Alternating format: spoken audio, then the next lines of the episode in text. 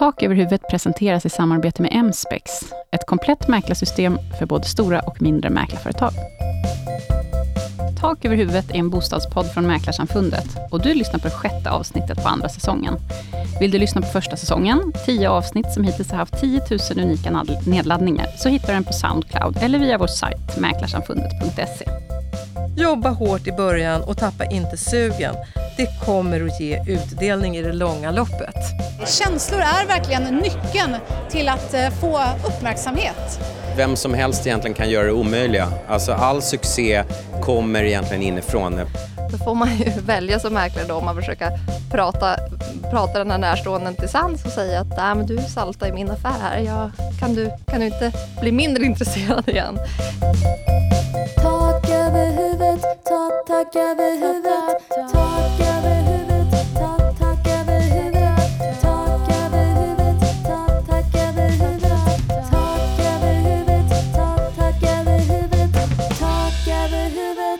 I dagens avsnitt då ska vi gå, ifrån, gå ifrån bostadstemat lite faktiskt, men vi ska bjuda på lite ren och skär inspiration.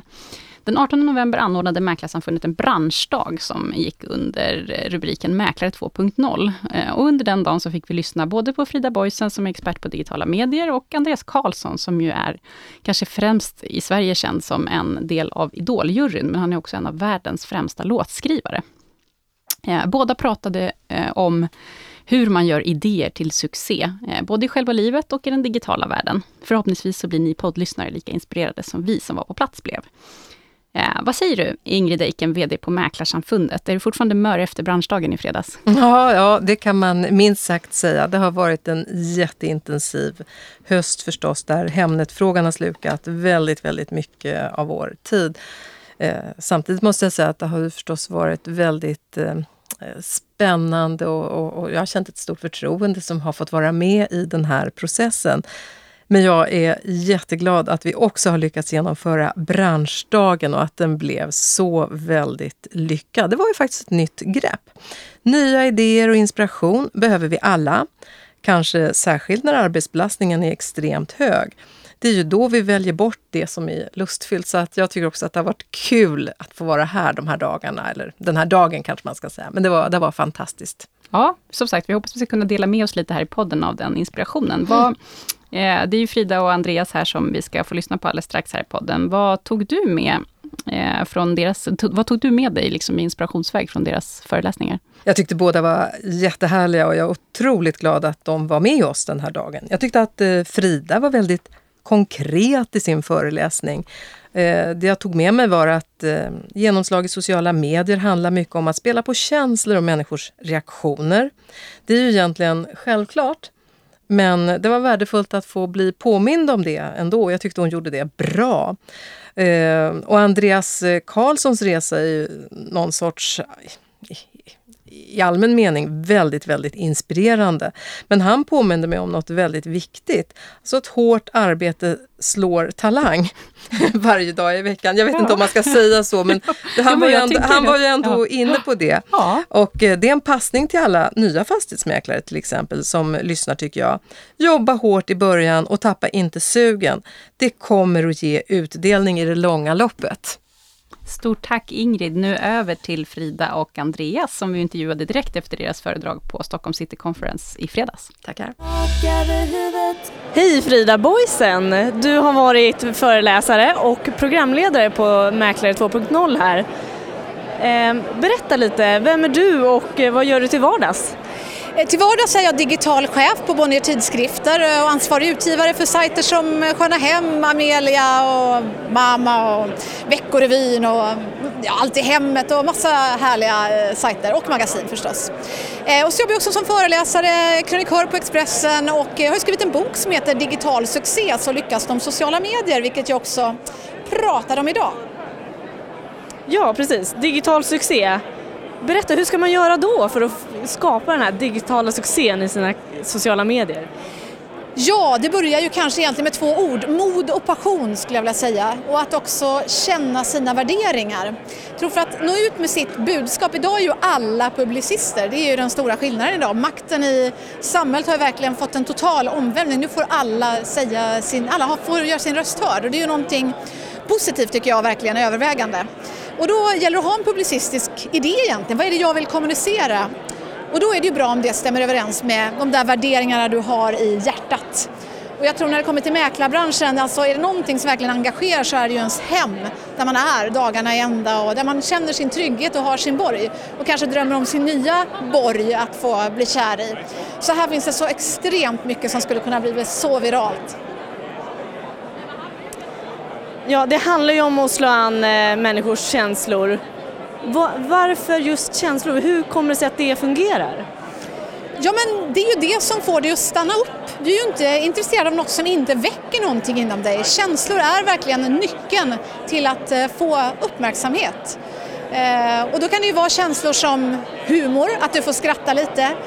Eller en värmekänsla, så att du tycker någonting är fint. Ibland tror jag att vi journalister är experter på att berätta allting som är fel i samhället. Det är ju också vår uppgift förstås som eh, tredje statsmakten. Men ibland tror jag att vanliga människor bara känner, äh, nu orkar jag inte en grej till som är jobbig. Nu vill jag bara få njuta av något som är vackert, få inspireras, kanske till en ny bostad.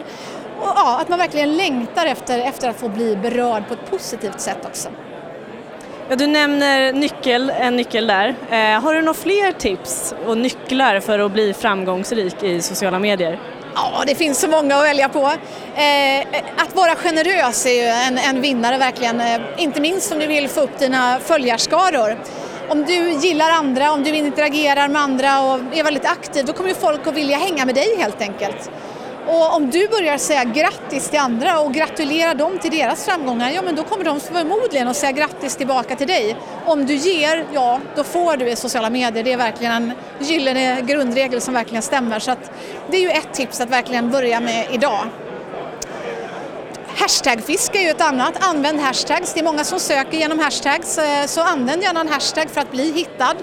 Använd drömlägenheten, drömhuset, huset, vad det nu kan vara som verkligen eh, har många följare. Det går ju lätt att söka, det är bara att skriva in hashtaggen och se om det är många som har använt den. Hur ska man eh, dra mesta möjliga fördelar av den digitala utvecklingen när man jobbar med att sälja tjänster? Oh, det finns så många sätt, eh, men ett sätt är förstås att vidga sitt nätverk. Jag tänker idag när jag rekryterar människor, journalister, så tittar jag förstås på hur många följare har du då? Hur stort är ditt nätverk? Vad bidrar du med? Ska jag anställa en person som har 20 följare på Instagram och inga någon annanstans eller ska jag anställa den här människan som har 100 000 följare? Jag tror att du, ditt personliga nätverk kommer bara bli allt viktigare så att, att vidga det, det är ju en, en stor del i din framgång.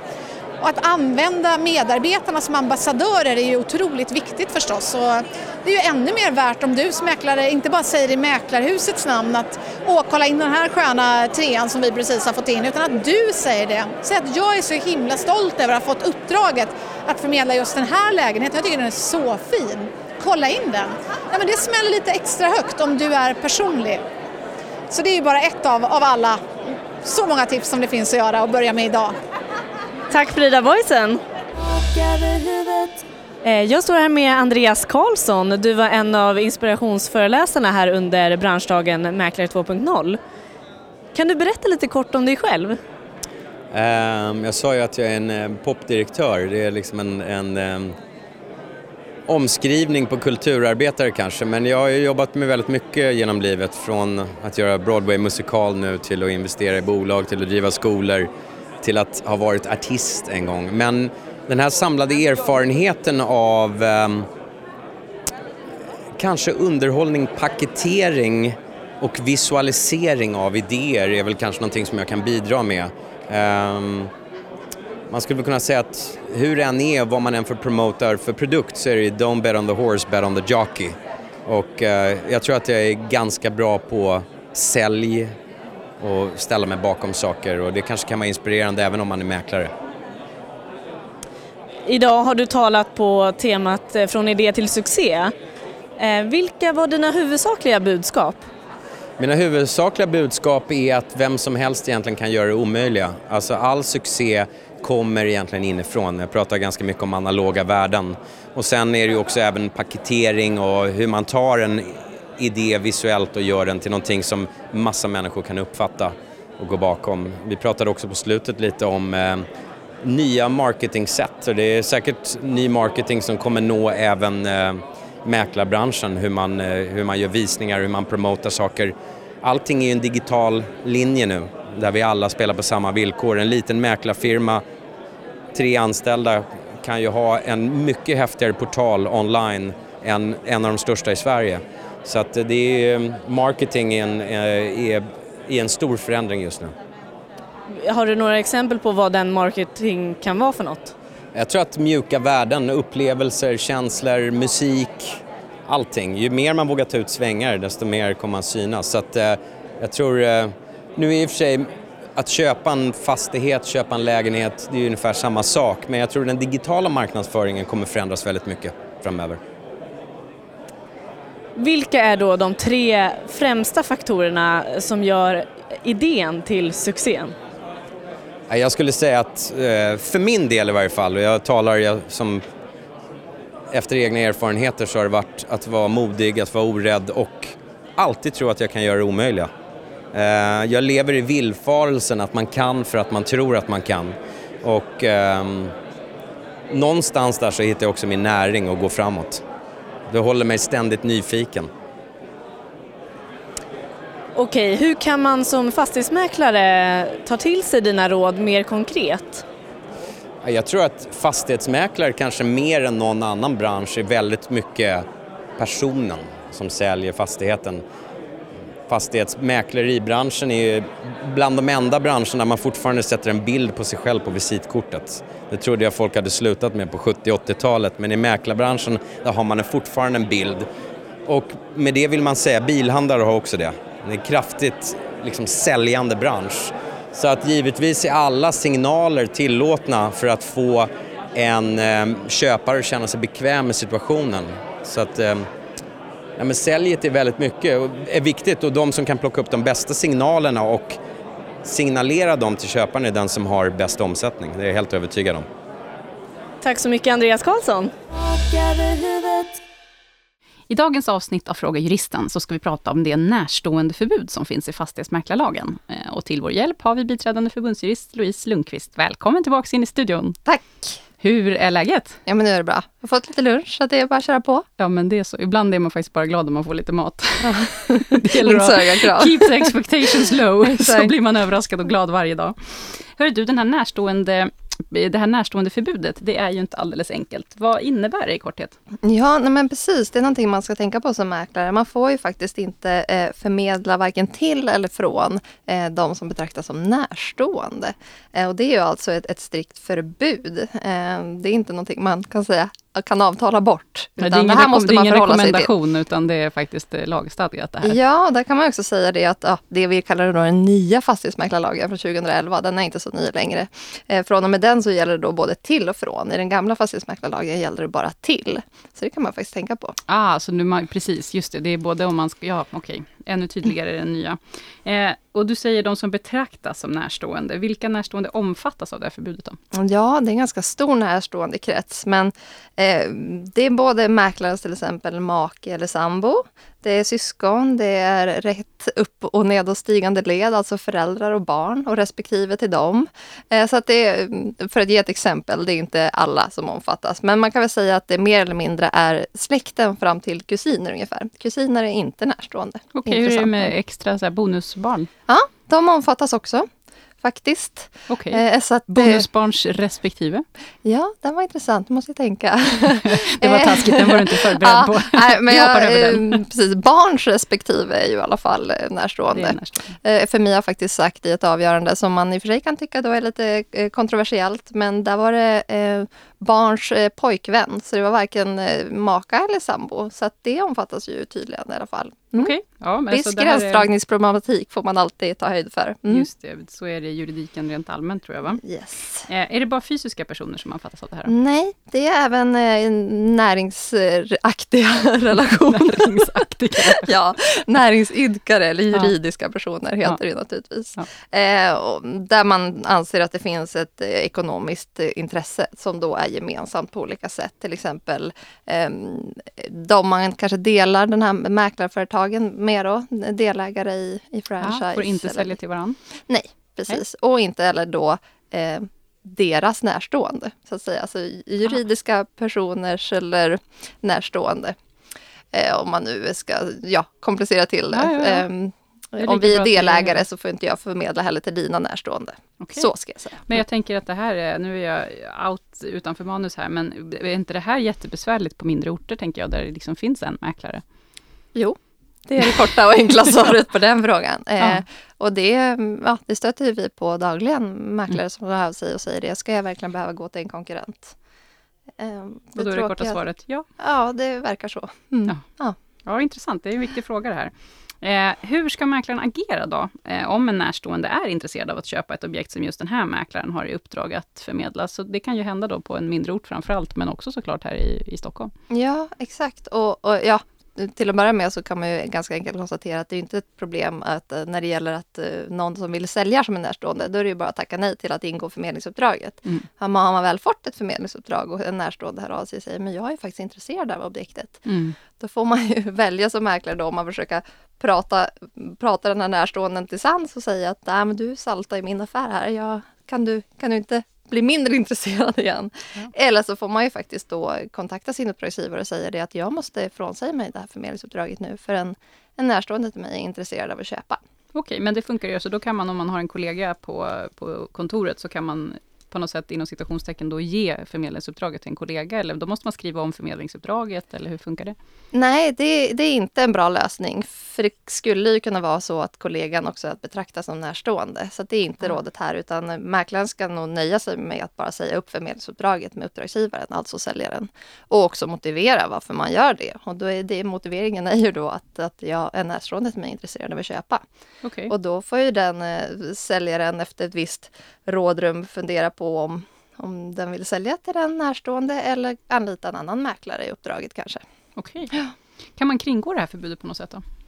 Nej, det kan man inte göra eftersom det är strikt förbud. Och det, och det vill jag också flagga för att det inte är en lösning här att till exempel säga upp förmedlingsuppdraget och istället ingå ett skrivuppdrag, kanske då bara på kontraktshandlingarna mellan den här närstående och säljaren. Nej. Utan eh, det gäller även skrivuppdrag. Okej, det blir en viktig distinktion där faktiskt. Eh, har du några ytterligare exempel då på förmedlingar som inte är lämpliga enligt god fastighetsmäklarsed, med tanke på den här, det här närstående förbudet? Ja, men precis. Det skulle till exempel kunna vara då att en mäklare ska ju inte förmedla i den egna bostadsrättsföreningen till exempel. Det anses eh, omfatta då att man har ett gemensamt ekonomiskt intresse. Ehm, ja, det finns väldigt många Ja, bra, ja, bra eller dåliga bra- exempel. ja. Men, men eh, man ska nog definitivt tänka till i alla fall och, och höra av sig om man är osäker som. Exakt. Ja. Good point. Har man den minsta tveksamhet kring det här, så är man välkommen som fastighetsmäklare att ringa till våra jurister och eh, få ett second opinion.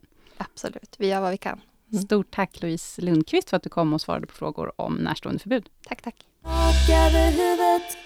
Tack för att du har lyssnat på veckans podd från Mäklarsamfundet. Podden klipps och produceras av Andreas Machado från Diggin Larry. Produktionsledare är Caroline Berg. Grafik och avsnittsfoto görs av Karina Vikaby och jag heter Josefin Uppling. Tak över huvudet.